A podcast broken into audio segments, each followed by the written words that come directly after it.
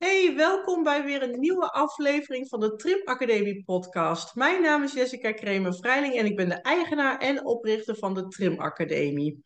En de Trim Academie After School, waarmee ik jou help om een succesvolle en winstgevende trimsalon op te bouwen.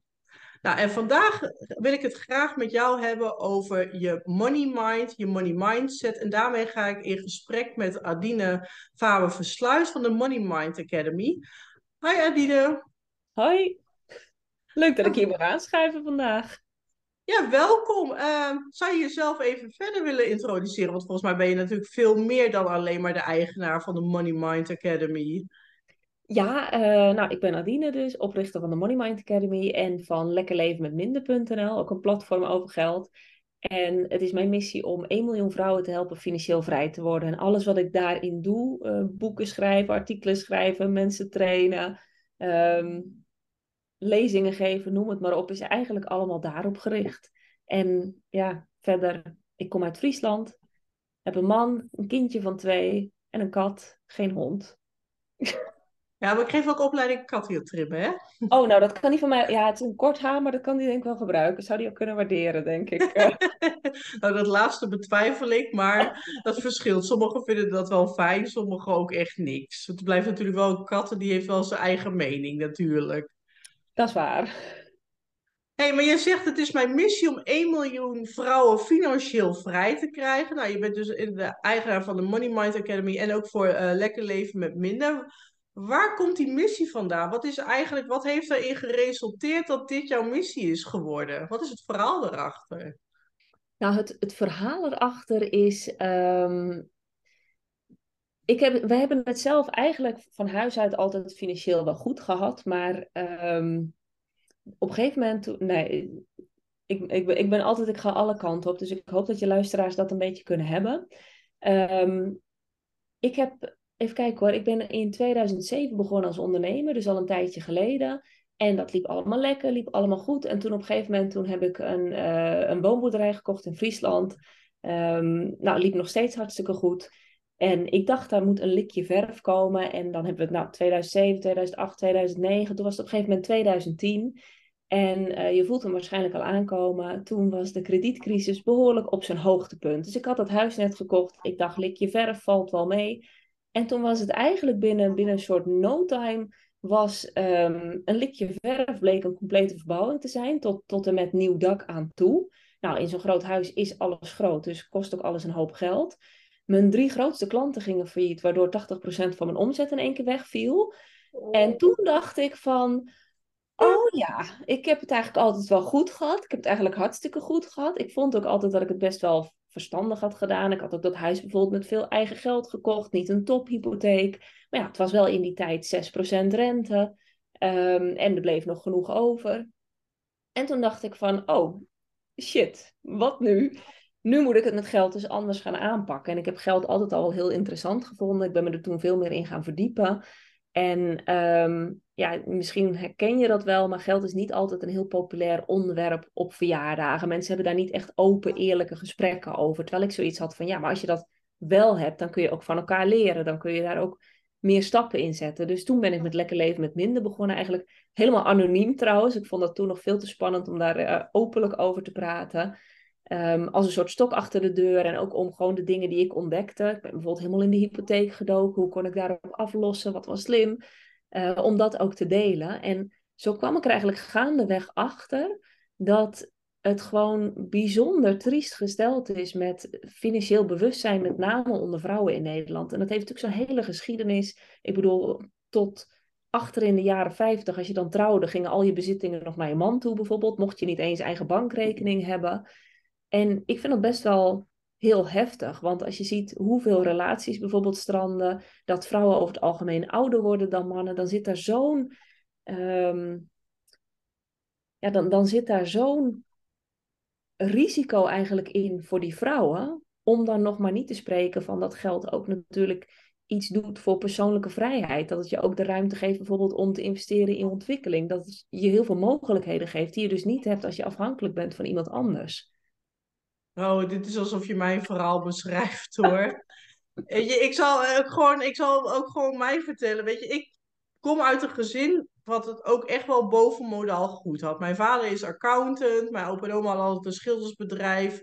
Dus ehm, dat heeft hij geërfd samen met mijn oom. Dus we hadden thuis best prima. Maar ik heb daardoor ook gewoon echt niet geleerd om met geld om te gaan. Het was echt niet dat ik heel uh, onachtzaam mee omging. Want ik werd echt wel de waarde van geld bijgebracht. Maar uh, ik weet nog wel inderdaad dat ik op kamers ging. En nou ja, dan had ik alleen maar mijn. E-, eerst was het alleen maar dat ik alleen mijn studiefinanciering had. Want ja, ik was ook uh, met topsport bezig. En mijn vader zei: Ja, je moet niet te veel werken, want anders kan je niet goed op je sport richten. Maar ondertussen kon ik gewoon niet echt lekker rondkomen. Dus toen begon het al een keer met, weet je wat, op de afbetaling bij de weekkamp uh, kopen. Dan hadden we het echt over 100, 150 euro. Maar ja, dat vond ik al zo erg dat ik dat dat ik daar al mee in de knoei kwam. Nou, daarna uh, heb ik inderdaad een relatie gehad van drie jaar. Nou, uh, uh, hij, bijvoorbeeld, hij werkte bijvoorbeeld niet en hij had ook een gat in zijn hand, dus dat ging helemaal verkeerd. Dus daar kwam ik al met kleerscheuren uit, want ik had hem in onze woning laten wonen, terwijl ik op een ander adres woonde, maar die woning stond nog op mijn adres, dus hij had lekker voor 10.000 euro ook bij postorderbedrijven op mijn naam besteld. Dus ja, toen uh, hij daaruit ging, toen kreeg ik natuurlijk al die deurwaarders op mijn dak. Uh, dus ja, daar heb ik uh, heel hard voor gewerkt. Want ik ben dus ook vanuit de bijstand als alleenstaande moeder mijn trimsalon gestart. Dus ik heb vooral heel veel hard gewerkt, heel veel gewerkt. Toen was ik daar eindelijk uit. Toen ben ik hertrouwd. Nou, ik deed eerst samen met mijn ex-man, uh, denk ik, achteraf denk ik, hoe onnozel kun je zijn dat je er weer in uh, stinkt. Maar ja, goed vertrouwen. En als iemand zegt van, vertrouw je me niet? Ja, toen was ik nog niet mans genoeg, vrouw genoeg om te zeggen, nou, dat heeft niks met vertrouwen te maken. Ik wil gewoon inzicht hebben in mijn bedrijf. Maar uh, toen hadden we eerst samen een winkel. Hij ging uiteindelijk uh, weer het huishouden doen. Ook helpen zorgen voor mijn zoon. En ik had wel eens gevraagd: joh, wil jij niet ook eens tien uurtjes gaan werken? Dan kan ik ook een dag vrij hebben. Maar ja, dat gebeurde niet. Hij was altijd thuis. En toen we gingen scheiden, toen bleek ik ineens met uh, nog zo'n 20.000 euro aan onbetaalde BTW-facturen, weet de Belastingdienst en weet ik veel wat te zitten. Dus ja, toen had ik ook echt zoiets van, oh shit. Dus ik heb toen weer heel hard staan werken, knallen, knallen, knallen, om toch weer, het, is allemaal gelukt. Maar ja, daar zat wel gewoon, ik, heb, had, ik had niet eens een pasje van mijn eigen rekening in die periode, omdat ik me dat allemaal liet aanpraten, weet je. En dat is iets waar waarschijnlijk heel veel mensen ook van mij niet weten. Omdat ze, ja, ik weet dat heel veel mensen in, uh, in mijn vak, in mijn beroepsgroep heel erg tegen mij opkijken. En ik heb het nu heel erg goed. Um, nou, en dat, dit laatste periode, dat is echt van eind 2016 dat ik ging scheiden. Dat is echt nog niet echt super lang geleden. Maar ja, het is wel, je heeft wel met, ook weer met een bepaalde overtuiging op geld te maken. Ook hoe je, nou ja, hoe de wereld er te tegenaan kijkt als je veel geld uh, verdient. Maar ook inderdaad wat je geleerd is vanuit dat oogpunt. Dus ja, ik herken dat helemaal. Dus vandaar dat ik jou ook echt een interessante gast voor deze podcast vond. En nou ja, puur omdat ik weet waar ik zelf vandaan kom, maar omdat ik dat heel veel zie bij collega's. En ook dat er heel veel collega's nog echt voor een hele lage prijs voor een appel en een ei staan te trimmen of helemaal niet verder denken dan alleen maar de boodschappen van deze week. Nou, dat is wel interessant, want je zei het net ook twee keer van, ik, toen ben ik maar weer keihard gaan werken. En dat is, ehm, zeg maar, als we het hebben over money mindset en, en overtuiging en conditionering, dat is dus een van die super hardnekkige overtuigingen. Heb ik zelf ook echt vanuit huis meegekregen. Ehm, er is altijd geld als je maar bereid bent om hard te werken en er op, offers voor te maken. Ja. En ik heb echt super lang, ook in de tijd dat ik al heel veel met geld bezig was, heb ik gewoon gedacht van nou, dat is alleen maar super verstandig, is alleen maar super goed. Want uh, ja, logisch toch? Uh, tot ik op een gegeven moment ook dacht van dat, dat is helemaal niet zo. Het is niet zo dat je, um, dat je per se hard moet werken om je geld te verdienen. Uh, het, het gaat er eigenlijk meer om dat je doet wat je, ja, waar je goed in bent en dat je een bepaalde toegevoegde waarde leeft. Want als je alleen maar rijk zou worden van uh, hard werken, ja, dan zou de gemiddelde vuilnisman bijvoorbeeld ook hartstikke rijk zijn, want die werken ook hartstikke hard. Maar dat is zo'n gedachte van, oh, oké, het moet nu opgelost worden. Nou, dan ga ik maar weer keihard werken. daardoor kan je soms eigenlijk de, de lange termijnvisie een beetje uit het oog verliezen. En dan blijf je heel erg, ja, ik noem dat dan, je blijft dan heel erg in zo'n schaarste mindset zitten. In het, het moet nu opgelost worden, oh, er moet ergens geld vandaan komen. En dat is ook zo. En dat geld komt dan ook door het harde werken. Maar tegelijkertijd, als je juist op zo'n moment even een stapje terug kunt nemen en kunt kijken van oké, maar wat is nou, waar wil ik naartoe en hoe kan ik dat het beste of het slimste doen? Ja, dan is dat vaak niet door hard werken, maar door gewoon dingen slimmer aan te pakken. Ja, precies. Ja, ik heb er zelf ook wel. Ja, er zit toch altijd door dit bijstand, weet je. Er zit altijd nog zo'n. Af en toe eh, dat groene monstertje duikt weer eventjes dan bij me op. Maar ik ben inderdaad ook wel echt naartoe gaan werken. Want ik wil ook gewoon, nou ja, passief inkomen. Maar ik wil ook gewoon. ehm, ik, ik sta ook heel erg voor work smarter, not harder. En in mijn salon ook, weet je. Ik weet dat er echt wel salons zijn waar wat wordt verwacht dat ehm, mensen echt wel 6 tot 8 honden per dag wegtrimmen. Ik heb, ik heb zoiets van, nou, mijn meiden, ik heb liever dat ze er vier doen.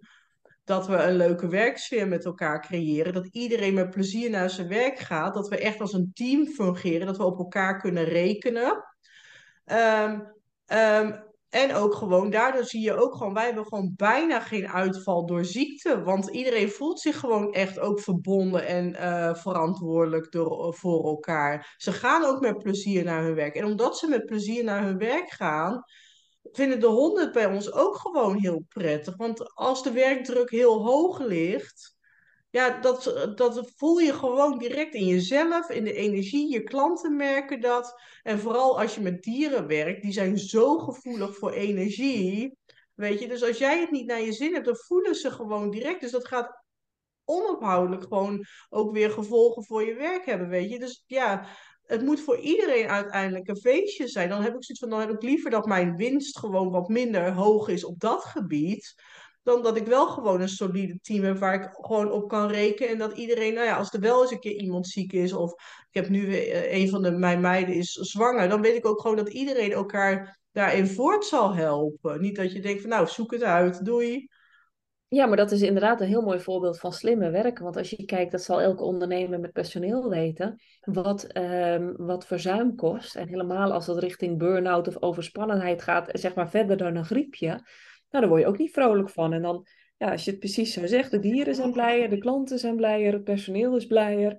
En je, je winst kun je ook weer op allerlei andere manieren. Ik bedoel, jij hebt natuurlijk eh, een fantastische opleiding. Wat ook een, een manier is om je kennis in te zetten en dan weer een extra inkomstenstroom te creëren.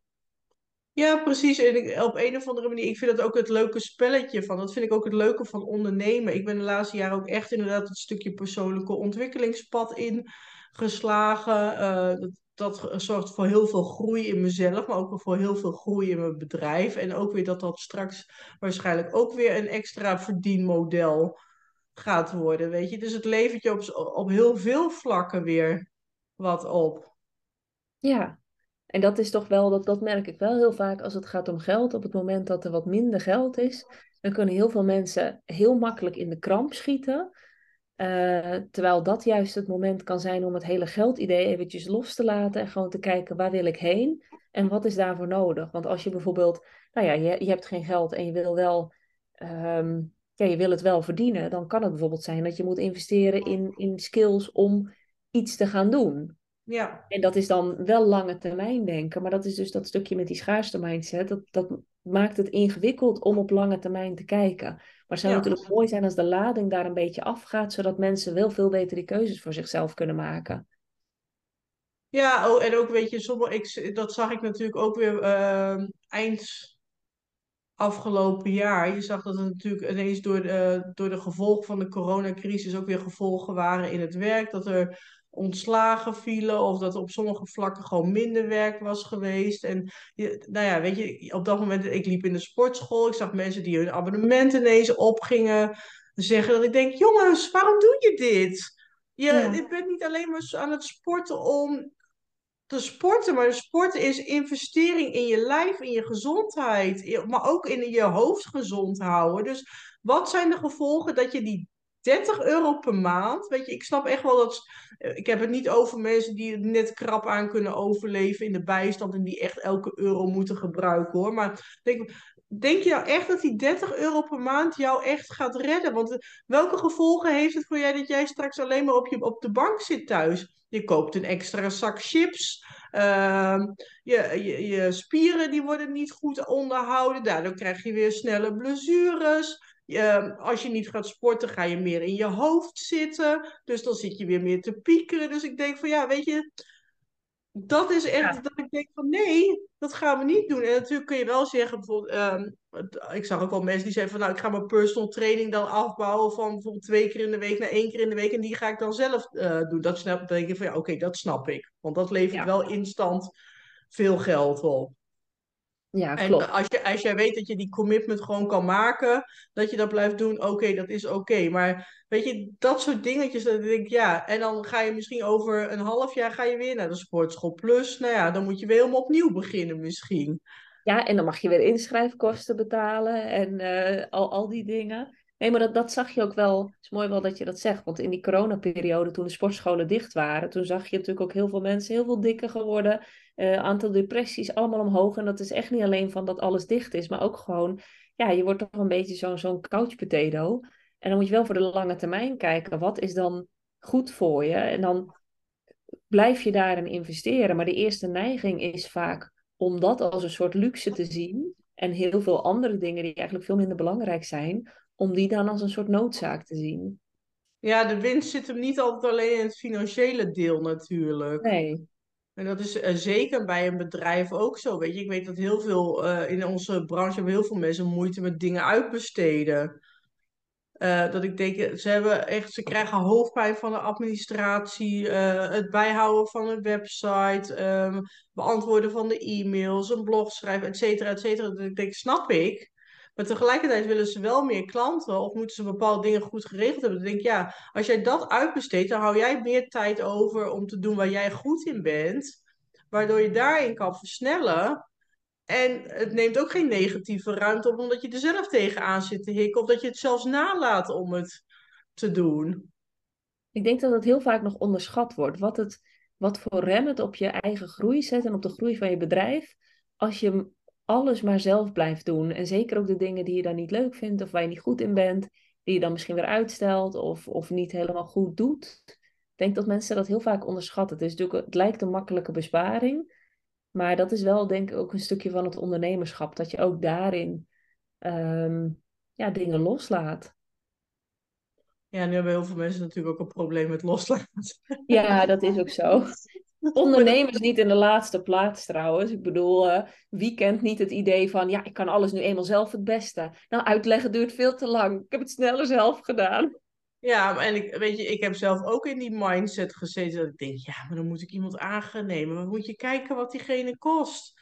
Ja. Maar inderdaad, dan kijk je inderdaad niet naar de voordelen. Maar dat is ook omdat je er vaak gewoon geen idee van hebt wat het je op kan leveren. Dus dat is ook gewoon lastig. Aan de andere kant denk ik, je hebt tegenwoordig zoveel VA's die je gewoon, uh, waar je eerst een strippenkaart voor kan kopen, of waar die je maar per uur in levert. Dan denk ik, ja, doe het eens even één of twee maanden op proef. En dan kun je altijd nog kijken of het echt niet oplevert wat het is. Weet je, je kan dan ook heel makkelijk er weer van af, want je hebt niet iemand in dienst. Ja, en soms is dat ook gewoon een stukje van lange termijn visie. En dat je ook gewoon op het moment dat je zegt van nou, ik wil wel iets gaan uitbesteden. Je gaat het bijvoorbeeld zo'n proef doen. Dat je van tevoren een doel hebt van ik wil dat het op die manier wat oplevert. Dat je het heel concreet meetbaar krijgt. Ik denk dat sommige mensen er ook wel eens mee beginnen vanuit een, uh, een punt dat ze er geen idee bij hebben. En uh, uh, ja, dan, dan is van ja, het heeft ook niet opgeleverd. Ja, maar dan heb je het misschien niet helemaal voorbereid of, of daar helemaal geen plan voor gehad. Nee, dat is ook inderdaad iets en dat is wel heel erg nodig om iets goed, uh, tot een succes te brengen. Um, jij werkt ook met uh, geldarchetypes. Um, kun je me misschien vertellen wat het precies inhoudt en welke rol ze eigenlijk spelen nou, in het begrijpen van bijvoorbeeld financiële uh, gedrag en besluitvorming? Nou, we hadden het net natuurlijk al even over zo'n overtuiging van je moet hard werken voor je geld. Um, die overtuigingen die hebben we allemaal. Als je geboren wordt, dan ben je als het ware helemaal blanco. Ik zal proberen het een beetje kort en duidelijk te houden. Um, en de eerste zeven jaar van je leven sta je echt helemaal open voor alle invloeden. Nou, in die periode zijn de invloeden vaak een beetje beperkt tot ouders en verzorgers, misschien broertjes, zussen, juffen, meesters. Dus een vrij kleine kring. Maar wat zij vinden, wat bij jou binnenkomt, um, dat is vaak ook wat je als een soort waarheid opslaat. En de jaren daarna wordt, word je vaak in dat idee bevestigd. Dus wat je heel vaak ziet is dat mensen die nu bijvoorbeeld in het ondernemerschap moeite hebben met zichtbaarheid, dat die zich bijvoorbeeld in hun jeugd helemaal niet gezien hebben gevoeld of dat dat gevaarlijk is geweest. Maar de manier waarop wij dus naar de wereld kijken, dat is, ik, ik vertel dat maar altijd, dat is de bril waardoor je naar de wereld kijkt, die hele set van overtuigingen, daar zijn we ons vaak maar heel beperkt van bewust, omdat dat is hoe wij dingen zien. Kijk, wij kunnen naast elkaar staan, naar dezelfde boom kijken. En uh, ik kan een groene wolk zien en jij kan de gele blaadjes zien, bij wijze van spreken. Maar omdat je het daar niet over hebt, uh, weet je ook niet dat er dus verschillende manieren zijn om iets te bekijken. Nou, als het gaat om geld, zijn er natuurlijk heel veel verschillende manieren om dat te bekijken. Um, je kan het zien als iets wat lastig is, wat ingewikkeld is, wat voor onaardige mensen is. Je kan het zien als iets wat heel fijn is of waar nooit genoeg van is. Uh, je kan het zien als een soort zekerheid. Er zijn allerlei manieren waarop je geld kunt bekijken. Maar dat gaat dus allemaal in ons onderbewustzijn. En ik werk met geldarchetypes om dat eigenlijk dat hele verhaal wat je in je onderbewustzijn hebt over geld, om dat naar het oppervlakte te krijgen. Want op het moment dat je dat naar een bewust niveau haalt, dan kun je er ook iets mee doen. Dan kun je ook keuzes maken van helpt mij dit of helpt me dit niet. Maar zolang je niet weet wat eigenlijk jouw verhaal is, waar het vandaan komt, hoe het voor je werkt, kun je er niks mee. En dan zul je altijd blijven handelen volgens die patronen die je hebt. Dus bijvoorbeeld, mijn geld is op, ik schiet in de kramp, ik ga meteen als een gek sparen. Dat is trouwens misschien wel een leuk voorbeeld. Um, ik werk altijd met, met de top drie van archetypen. En een van de archetypen is bijvoorbeeld de schatbewaarder. Die is heel zuinig, die vindt heel fijn om geld in de gaten te houden. Die koppelt daar veiligheid aan en zekerheid. Um, en je hebt bijvoorbeeld ook de levensgenieter. En die vindt gewoon heel fijn wat geld allemaal kan doen. Nou, in die periode wat ik net vertelde, toen was ik nog helemaal niet bezig met, met geld op die manier. Um, dan was ik wel, omdat ik zo in die kramp zat, ging ik helemaal super zuinig doen. En op een gegeven moment was ik dat zo zat, dat ik echt als een gek ging geld uitgeven. En met de kennis van nu denk ik, ja, heel logisch. Want ik heb in mijn top drie, heb ik dus de schatbewaarder. En ik heb ook de levensgenieter in mijn, in mijn top drie vanuit de kramp en vanuit de angst en vanuit de uitdagingen werken die elkaar ontzettend tegen. Dus ik ging de hele tijd heen en weer tussen die twee. Dan weer helemaal in de, in de uh, geen geld uitgeven en dan weer, fuck it, geef me nieuwe Jimmy Choo's, zeg maar. en mijn derde type, de visionair, dus eigenlijk het type wat een stapje naar achter had kunnen doen en had kunnen zeggen, nou Adine, hoe kan je dit nou eens slim aanpakken? Dat er een beetje balans, balans is die kwam helemaal niet aan bod, omdat die andere twee de hele tijd aan het heen en weer wipwappen waren. Ja, dat klinkt wel dus een beetje... Nooit... ja, nou, dat had ik, maar dat had ik dus nooit. Of daar had, ik, daar had ik uiteindelijk misschien wel zelf achter gekomen, maar dat je heel snel die dynamiek zit, ziet en dat je heel snel stapt van, oh, wacht eens even, maar hier zit ik nu in een uitdaging van dat type. Dat maakt ook dat je er iets mee kan en dat je daar dus andere patronen op kunt ontwikkelen. En die test die kunnen we op je website doen ja, moneymindacademy.nl krijg je wel alleen je meest dominante geldtype te zien. De hele complete test zeg maar, zit in mijn programma. Maar dan heb je wel alvast een hele leuke... Ehm, ja, ik hoor eigenlijk alleen maar herkenning bij mensen ervan. Nou, dat is zeker interessant. Ik denk, en eh, weet je, voor elke ondernemer is dit toch wel ja, heel belangrijk. Om nou, het is niet alleen hoe je met je geld omgaat, maar het is natuurlijk ook hoe trek je bijvoorbeeld klanten aan. Welke klanten wil je aantrekken? Als jij heel erg vanuit de krapte zit, is de kans ook heel groot dat je klanten aantrekt die ook uh, zeg maar over elk dubbeltje vallen en, en heel erg in die krapte zitten. Oh, ja, dat Eén keer in de 26 weken afspreken. Nou, ik weet niet wat nodig is voor trimmen. Maar in ieder geval, je snapt wat ik bedoel. Nou, ik, dat klopt wel, want ik heb nu, ik heb het, ik heb het zo druk uh, weet je, ik kan wel niet meer personeel komen, kan er meer klanten komen, maar ik heb de ruimte gewoon niet. Dan wordt lopende bandwerk. Dus, uh, maar ik heb dus daardoor bijvoorbeeld ook gezegd, weet je, ik neem, uh, we hebben echt een poosje klantenstop gehad. En toen hebben we ook gezegd van, weet je, al die honden met, of katten met heel erg vachtintensief onderhoud, die moeten elke zoveel weken komen. Want anders doen we het niet meer. Dan is het ook gewoon plekje uh, klaar opgestaan, plaatsvergaan. Plus, uh, als je ook niet op tijd door, als je niet direct doorplant, dan houdt het ook gewoon op. Uh, en natuurlijk zijn de mensen afgevallen, maar daar zijn wel mensen voor teruggekomen die dat allemaal geen probleem vonden. Dus weet je, op het moment dat ik zoiets had van, nou, ik ben niet bang om klanten kwijt te raken, want ik heb het te veel, trok ik daardoor ook heel andere klanten aan. En dat was ook bij mijn eigen meiden zo van ja, uh, die en die, die mevrouw die zit te zeuren over zus en zo. En dan zei ik van, uh, Oké, maar als je nou gewoon dit en dit zegt, ja, maar ik zeg, nou, maar wat? Wat is het ergste wat er kan gebeuren? Ja, dat ze niet meer terugkomen. Ik zeg, hoe erg is dat? Ja, dat is niet erg, zeiden ze. Nee, precies. Dus laat het gaan. Dus ook op, het, ook, ook op dat vlak gaf het zoveel winst om dat inderdaad niet te doen, inderdaad. En dan krijg je heel andere klanten.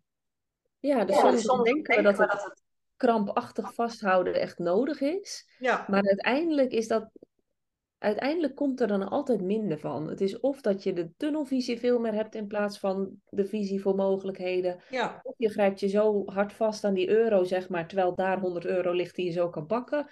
Het, het, het, het beïnvloedt je gewoon heel erg in, ja, in je gewone leven, maar zeker ook in je bedrijf. En het kan ook je groei heel erg in de weg zitten. Ik bedoel, neem alleen al het stukje van, ga je elke keer het wiel zelf uitvinden? Of ga je bijvoorbeeld gewoon leren van de beste mensen?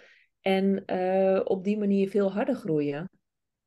Ja, precies. Ja, nou ja, dat weten wij allebei, want we zitten natuurlijk in de Golden Circle bij Simone. Dat is natuurlijk een flinke investering. Maar aan de andere kant, als ik kijk op welke vlakken het me al zoveel heeft opgeleverd, dan denk ik, ja, ik, het is een traject van drie jaar. Na deze drie jaar ga ik het echt wel gewoon mee verder. Want het, het geeft je gewoon zoveel meer. Het is, het is, je moet het ook als een investering inderdaad ook zien. Ja, ik denk dat jouw studenten dat ook wel zullen herkennen. Ik bedoel, je kan het zelf allemaal uit gaan zoeken en gaan bedenken. En, maar je kan ook gewoon een goede opleiding volgen met, met, met je stages erin, met je examens erin. Uh, dat je een bepaald kwaliteitsniveau kan bieden. In plaats van dat je jaren aan gaat rommelen. Ja, denk ik dan hoor. Nee, maar ik heb het bijvoorbeeld ook in mijn. Weet je, ik weet dat er ook thuisstudies zijn. Uh, die kosten maar een paar honderd euro. We hebben nu bijvoorbeeld ook het stapbudget. Uh, ik weet, ik heb heel veel vragen gehad van mensen of ik daar ook aan meedeed. En dat, ik ben wel erkend door de branchevereniging, maar die kunnen ons nog niet registreren. Dus ik kan het op dit moment gewoon niet. Of ik moet 15.000 euro betalen. Nou, dat heb ik serieus. Dacht ik, oké, als dat de investering is die nodig is, gaat het me dat ook opleveren. Maar toen dacht ik andersom. Nee, want ik ga dat niet doen. Want dat zijn mensen die in een heel andere mindset zitten dan die ik wil. Want ik wil graag mensen met die winnaarsmentaliteit, niet die excuustruzen of die smoespoesen, zoals ik ze wel eens noem, die alleen maar. Want dit is wat je niet naar een hoger niveau gaat brengen. Ik wil graag die studenten die, ook al hebben ze misschien nu het geld niet, die willen investeren in de best mogelijke opleiding. Want wat ik, ik heb ook wel eens gehad dat er studenten waren die op een andere manier binnenkwamen. En die hadden gewoon niet dezelfde mindset en dezelfde drive om het te halen. Omdat er ja, die commitment gewoon minder goed af, achter zit. Dus dat is ook gewoon een van de mede een van de redenen waarom ik daar niet voor heb gekozen. Omdat het, je, trekt daar in de energie heel andere mensen mee aan, die niet bij mij en mijn bedrijf uh, passen. Want ik uh, neem juist heel erg het stukje marketing, ondernemen, social media, maar ook inderdaad uh, tariefbepaling in mijn opleiding mee. Omdat ik weet, je kan alleen goed werk leveren als je een goede opleiding hebt. Maar je kan ook alleen goede prijzen vragen als je een goede opleiding hebt gehad. En als je goede prijzen kan vragen, kan je inderdaad in plaats van die 6 tot 800 per dag, hoef je er misschien maar 4 per dag te hebben. Uiteindelijk kan je daardoor met veel meer ontspanning en vreugde je werk doen. Ben je niet helemaal opgebrand en helemaal lichamelijk naar de piep. Uh, wat uiteindelijk ook weer voor die honden werkt. Weet je, want mijn andere missie is ook dat ik gewoon echt een bijdrage wil leveren aan het welzijn en de gezondheid van de dieren. En dat kan niet als je mensen staan te trimmen die helemaal opgebrand zijn en gewoon geen plezier meer in hun werk hebben. Ja. En je, ik had, uh, ik zag dat je ook met human design werkt. Nou ja, ik weet inmiddels wel wat human design uh, inhoudt. Ik vind het ook heel interessant, maar dat ik denk ook tegelijkertijd denk, oeh, zoveel informatie, dat parkeer ik wel voor een later moment. Ik weet dat ik een generator ben. En ik heb het geluk gehad dat mijn profiel een beetje is uitgezocht, omdat ik uh, geïnterviewd was door uh, Simone voor een van haar programma's. Dus ik, had echt een feest van herkenning. Dat ik denk, oh, oké. Okay. maar kun je misschien ook heel even kort toelichten wat het is en hoe jij dat ook weer inzet in, in, in je, je business, zeg maar, in relatie tot ondernemerschap en je money mindset? ja, ik heb eigenlijk mijn, mijn methode in Ontwikkel Jouw Money Flow is gebaseerd op de innerlijke geldarchetype en human design. Nou, van de innerlijke geldtype heb ik natuurlijk net een beetje verteld. Dat geeft zo'n zo'n heel duidelijk beeld van je conditionering, van je overtuigingen. En human design is als het ware ehm, op het moment dat je je chart aanvraagt, zo heet dat dan, dan krijg je een plaatje met een soort poppetje erop, allemaal kleuren, allemaal vormpjes enzovoorts. En dat is een soort, ehm, dat is eigenlijk een soort foto van jouw energie. Dus ben jij bijvoorbeeld iemand die eh, heel veel goede ideeën heeft, of die heel snel overprikkeld is, of ben je iemand die echt moet luisteren naar zijn buikgevoel, of misschien juist meer zo'n soort instinct heeft, uh, heeft. Ben jij iemand die bijvoorbeeld heel goed dingen kan verwoorden, of iemand die zich heel goed in andere mensen kan inleven. Dat soort dingen staan daar allemaal in. En ik heb dat op een gegeven moment toegevoegd aan mijn programma om een soort extra laag te geven. Want als je het hebt over wat bijvoorbeeld goed voor je, voor je werk. Kijk, ik doe ook de vertaling naar de praktijk meteen. Dus ik heb bijvoorbeeld ook op basis van innerlijke geldtype. wat zou een goed verdienmodel zijn. Maar dan zit er nog wel een verschil tussen. Ehm, ja, bijvoorbeeld een projector die wat minder energie heeft. en wat minder een soort eigen batterij. die die steeds kan opladen. maar wel hele mooie inzichten die. Um, vaak de tijd een beetje vooruit zijn. Of een generator die als hij iets doet wat hij leuk vindt, eh, enorm veel productie kan draaien. Dus het verdienmodel wat daar dan bij hoort, moet dan ook iets anders zijn. Zo'n projector die kan veel beter in een soort gidsende functie gaan zitten, of, of, of de, de visionair binnen het bedrijf. Terwijl een generator ook heel goed in staat is om dat bedrijf van de grond op op te bouwen. Eh, mits hij dan weer wat andere dingen in de gaten houdt. Dus die, die energetische blauwdruk, die gebruik ik als een soort verfijning Ehm, om nog meer iets op iemand af te stemmen. Want ik, zeg altijd, de formule van geld is heel eenvoudig. Uh, meer binnenhalen, minder uitgeven en de rest voor je laten werken. Maar er is natuurlijk een reden dat dat niet voor iedereen werkt. En die reden die haal je daar naar boven met die geldtype. En ervoor zorgen dat het ook voor jou werkt. Dat kun je dan ook weer uh, met Human Design, kun je er ook weer gewoon, heb je een hele mooie tool aan om dat scherper te stellen. Ja, dat is wel heel interessant inderdaad, als je er zo inderdaad naar kijkt. Ja, want ik weet inderdaad dat ik uh, inderdaad uh, een leeg hoofd heb en dat het bij mij ook onderin gekleurd is. Dus ja, ik doe heel veel op buikgevoel en zo ben ik ook gekomen waar ik nu ben. En op het moment dat ik dingen inderdaad te veel vanuit mijn hoofd ging doen, dan ging het altijd verkeerd, zeg maar. Ja. Ja, maar dat is natuurlijk wel wat we meekrijgen, hè? dat je het allemaal rationeel moet doen, dat het allemaal goed bedacht moet zijn. Maar als je niet weet naar welke stem je eigenlijk moet luisteren, dan luister je waarschijnlijk naar een stem van bijvoorbeeld uh, ouders die zeggen dat dingen niet kunnen of zo. Dan luister je niet naar je eigen stem. Maar je moet soms wel dat inzicht even krijgen en een soort. Ik, ik zie human design ook altijd wel een beetje als een stukje goedkeuring van, oh, zo werkt het dus inderdaad bij mij en dat is helemaal prima. En dat geeft mensen ook vaak zoveel ruimte weer, dat ze, ja, dat ze dan ook weer veel grotere stappen gaan zetten. Ja, precies. Wat zijn eigenlijk de meest veel voorkomende over, belemmerende overtuigingen die mensen hebben ehm, als het om geld gaat? En hoe kunnen ze deze belemmerende overtuigingen, nou, dat is natuurlijk ook iets wat je in, in zo'n traject of in jouw programma verder uit moet werken, maar kan je daar bijvoorbeeld van één een voorbeeld noemen, zeg maar. Hoe je dat bijvoorbeeld kunnen overwinnen door bijvoorbeeld een positievere kijk op geld te hebben. We hebben er eigenlijk al eentje getackeld net. Ja, nou, om, om eerste deel van je vraag te doen, de meest voorkomende, die hard werken voor je geld, is er eentje. Ehm, dat je ergens geen geld mee kan verdienen. En dan ergens is vaak wat je leuk vindt. Dus dat, In de dieren. Ja, bijvoorbeeld. Of dat mensen het zelf niet waard vinden om veel geld te verdienen. En dan is het vaak, de crux zit hem vaak in het veel geld. Dus dat zijn de mensen die dan net een beetje het hoofd boven water kunnen houden. Dus dan, ja, ik mag eigenlijk niet klagen. Maar uh, ja, die durven de sluizen nog niet open te zetten. Um, het stuk dat het wel voor een ander mag, maar niet voor jezelf. Dat kan om geld verdienen gaan, kan ook zijn om geld uitgeven. Dus sommige mensen die, die verdienen allemaal geld, maar die geven het continu uit aan andere mensen. Oh ja, en bij de dieren is het heel erg vaak, vaak dat mensen denken van ja, maar ik vind, het is me, ik vind het ook gewoon heel erg leuk om te doen. En ik hou zo van dieren, dus het voelt alsof ze het over de rug van de dieren verdienen, wat helemaal niet zo is, want je helpt juist mensen en je helpt dieren, zeg maar. Ja, en dan zou ik denken, iemand met zo'n mentaliteit, dus iemand met de mentaliteit van, um, van een waardering voor dieren, ja, dat zijn wat mij betreft de mensen die meer geld mogen hebben, omdat ik dan weet dat het bij op betere bestemmingen terecht zou komen. Ik heb liever dat, dat iemand die, die oog heeft voor de wereld om zich heen, dat die meer geld heeft, dan iemand die, die dat helemaal niet heeft. Dus vaak wordt het niet vanuit dat perspectief bekeken, wordt het meer bekeken van, oh ja, nee, dit, dit kan daar niet. Maar je moet eens nadenken, wat als jij van jezelf vindt dat je eigenlijk best wel een, een goede kijk op de wereld hebt, als je weet dat je oog hebt voor de mensen om je heen, voor de dieren om je heen, voor de natuur om je heen.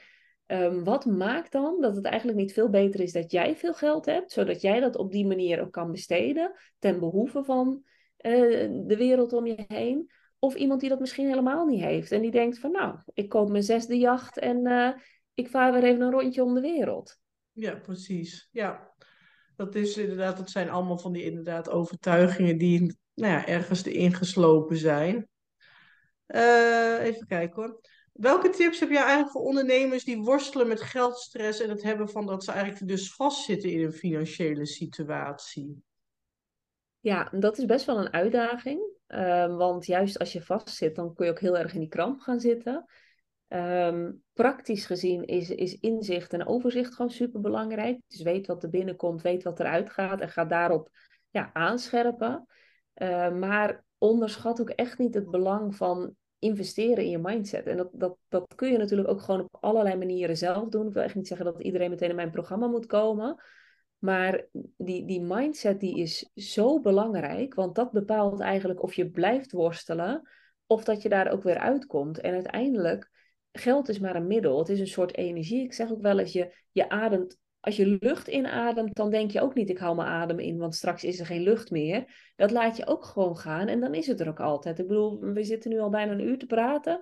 We hebben nog steeds geen tekort aan lucht. Dat is er gewoon, dat is er over 60 jaar nog steeds.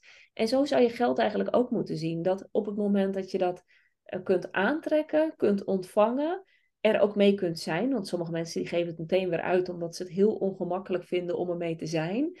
En het dan ook weer kan sturen naar, naar nieuwe dingen dat je, dat je die, ja, dat zien de luisteraars natuurlijk niet, maar ik zit hier een beetje met mijn, mijn handen te wapperen, maar dat je die kringloop in beweging kunt houden. Ehm, dat is eigenlijk het allerbelangrijkste. En dat is toch voor het grootste gedeelte echt een, een, een proces wat te maken heeft met um, je onderbewustzijn in dienst stellen van je bewuste plannen, dromen en visie. Want je vroeg net nog, hoe bouw je die overtuigingen dan om? Nou, dat is inderdaad eh, een heel programma, dus dat kan ik niet in twee minuten zeggen. Maar het komt er wel op neer dat het gewoon super belangrijk is om dat alles van het onderbewustzijn naar boven te krijgen. Want pas dan heb je überhaupt de mogelijkheid om er iets mee te doen. Ja, ik zie het zelf al, al als, ben het echt gaan zien als het een uitwisseling van energie. Dus op het moment inderdaad, als je het alleen al vertaalt naar de trimsalon, op het moment dat ik hogere prijzen kan vragen, betekent dat ik een tandje rustiger kan werken. Zorg dat ik uitgeruster ben, dat ik blijer ben in mijn werk. Dat ik ook blijer ben als ik weer naar huis ga. Want als ik helemaal afgedraaid thuis kom, dan hebben ze thuis geen leven. Um, dat de dieren gewoon blijer zijn op tafel. Nou, die gaan ook weer blijer naar huis. Baas blij, baas komt weer eerder terug. Dus dat is iets wat gewoon eigenlijk een heel mooie ongoing circle is. Plus, als ik met gemak mijn rekeningen kan betalen, dan uh, profiteren mijn leveranciers daar weer van. Als ik leuke dingen met mijn gezin kan doen, kan mijn gezin daar weer van profiteren. Um, en doordat ik geld uitgeef, ga, ga, je, zorg je eigenlijk gewoon dat de cashflow in de hele wereld lekker door blijft gaan. Dus weet je, als je het moeite vindt om het echt puur alleen voor jezelf te doen, kijk dan vooral eens verder naar wat het misschien dan voor anderen kan betekenen. En jij creëert ook gewoon banen. Hè? Ik bedoel, je hebt personeel, dus daar, daar geef je ook weer mensen de mogelijkheid om hetzelfde te doen. Dus ook om zeg maar uh, op een blije manier geld te verdienen en het geld weer te verdelen. Plus met, je, met je opleiding eh, is het natuurlijk precies hetzelfde verhaal. Dat is dan geen personeel, maar dat zijn dan ook mensen die op die manier weer inkomen kunnen opbouwen en dat ook weer kunnen doen. Ja, want ik weet ook, dat is ook gewoon wat mijn passie erachter inderdaad achter is. Weet je, ik weet wat het voor mij heeft betekend dat ik inderdaad mijn eigen bedrijf heb. Ah, ik ben niet de meest geschikte persoon om voor een baas te werken. Ook al denk ik dat het inmiddels wel beter is, omdat ik inmiddels zelf een baas ben en ik ook gewoon sommige dingen beter snap, zeg maar. Ik ben zelf natuurlijk ook gewoon heel erg ontwikkeld de afgelopen 16 jaar. Um, maar ik, ik, ik, kom natuurlijk vanuit de bijstand als alleenstaande moeder. Ik had alleen maar schulden. Weet je, als ik zie wat voor quantum leaps ik heb gemaakt. Puur alleen al door nou ja, dat ik elke dag mag doen wat ik leuk vind. Dat ik daar geld voor kan vragen. Dat ik inderdaad mijn financiële gewoon onafhankelijk ben. Dat ik leuke dingen kan doen. Dat ik mezelf verder kan ontwikkelen. Als ik, ja. Het is gewoon eigenlijk niet in woorden uit te drukken wat het voor mij heeft betekent om dat te kunnen. Dus ik, ja, daarom ga, ging ik ook helemaal aan op jouw missie. Want die, ja, dat gaat gewoon helemaal, ja, het haakt precies in op wat ik ook graag wil bereiken. Nou ja, we kunnen niet helemaal diep ingaan op van, nou ja, wat heeft jouw programma dan te doen? Uh, maar wat biedt de Money Mindset Academy allemaal aan? Aan programma's of programmaatjes of diensten? Ja, het, is, een platform met heel veel trainingen, maar eigenlijk is de belangrijkste training Ontwikkel je money flow. Heb ik een doe-het-zelf versie, een versie met community erbij en een versie met persoonlijke begeleiding. En dat is eigenlijk, dat is de basis. Want je kunt van alles neer willen zetten, je kunt allerlei plannen maken over geld, maar als je niet weet um, waar jouw krachten liggen en waar, waar jouw passie ligt en waar jouw mogelijkheden liggen, dan geloof ik niet dat dat echt duurzaam effect heeft. Dus dat is echt waarin we die overtuigingen gaan onthullen, ontdekken. Uh, ze om gaan vormen, ook hoe dat in je persoonlijke leven doorwerkt, in je zakelijke leven. En uh, daar komt dan een laagje human design uiteindelijk ook bij. Dat doe ik altijd aan het einde, want anders dan is dat echt, kan het hele overwhelm zijn. En als je nou denkt van, nou ja, ik vind dat vind ik echt nog uh, een stap te ver. Um, en je wilt wel bijvoorbeeld in Human Design duiken, dan maak ik ook Human Design Blueprints. En dat is, een heel, is eigenlijk een hele vertaling van jouw chart, praktisch. Naar welke energie heb je dan precies? Hoe werkt dat? Wat kun je ermee? Um, nou ja, past bij mijn profiel om dat vrij uitgebreid te doen. Dus dat is dik 50 pagina's of zo. Dus je kunt wel je lol op. Dan krijg je wel Zeker als je van details houdt. Ja. um, Wauw. Maar dat, uh, uh, ja, dat, dat zijn eigenlijk de twee mogelijkheden waar ik momenteel het meest mee bezig ben. Want dat past ook weer bij mijn type om eigenlijk, ik ontdek altijd weer nieuwe dingen om een soort extra, extra laag te geven aan wat ik al doe. Zodat mijn klanten ook altijd weer de verdieping in kunnen. En ja, ehm, ja ik geef ze gewoon liever de tools om, om zelf ergens aan te kunnen werken, dan dat ik zeg: dit is het en dat is volgend jaar weer achterhaald. Ja, precies. Nou ja, mocht je dus deze podcast nu zitten te luisteren en je denkt, nou, ik wil ook graag financieel vrij zijn, ik wil stressvrij, vooral ook niet alleen in mijn bedrijf werken, maar ook aan mijn bedrijf werken, dan uh, ga dan zeker eens even een kijkje nemen bij de Money eh, Mindset Academy en dat was op www. Ja, moneymindacademy.nl en op Instagram op @moneymindacademy en daar staan ook allemaal linkjes naar de site en zo. Nou, ik zou zeggen, uh, ga even kijken, want het gaat je vast ook weer heel veel winst opleveren. Niet alleen op het financiële vlak, maar ook, ook op de rest van je leven. Dankjewel Adine voor jouw uh, tijd en voor alle informatie die je, en stof tot nadenken die je ons hebt gegeven. En uh, iedereen die deze podcast heeft geluisterd, bedankt voor het luisteren en tot de volgende podcast. Dankjewel. Dankjewel. Van je werk vind je kracht in je passie.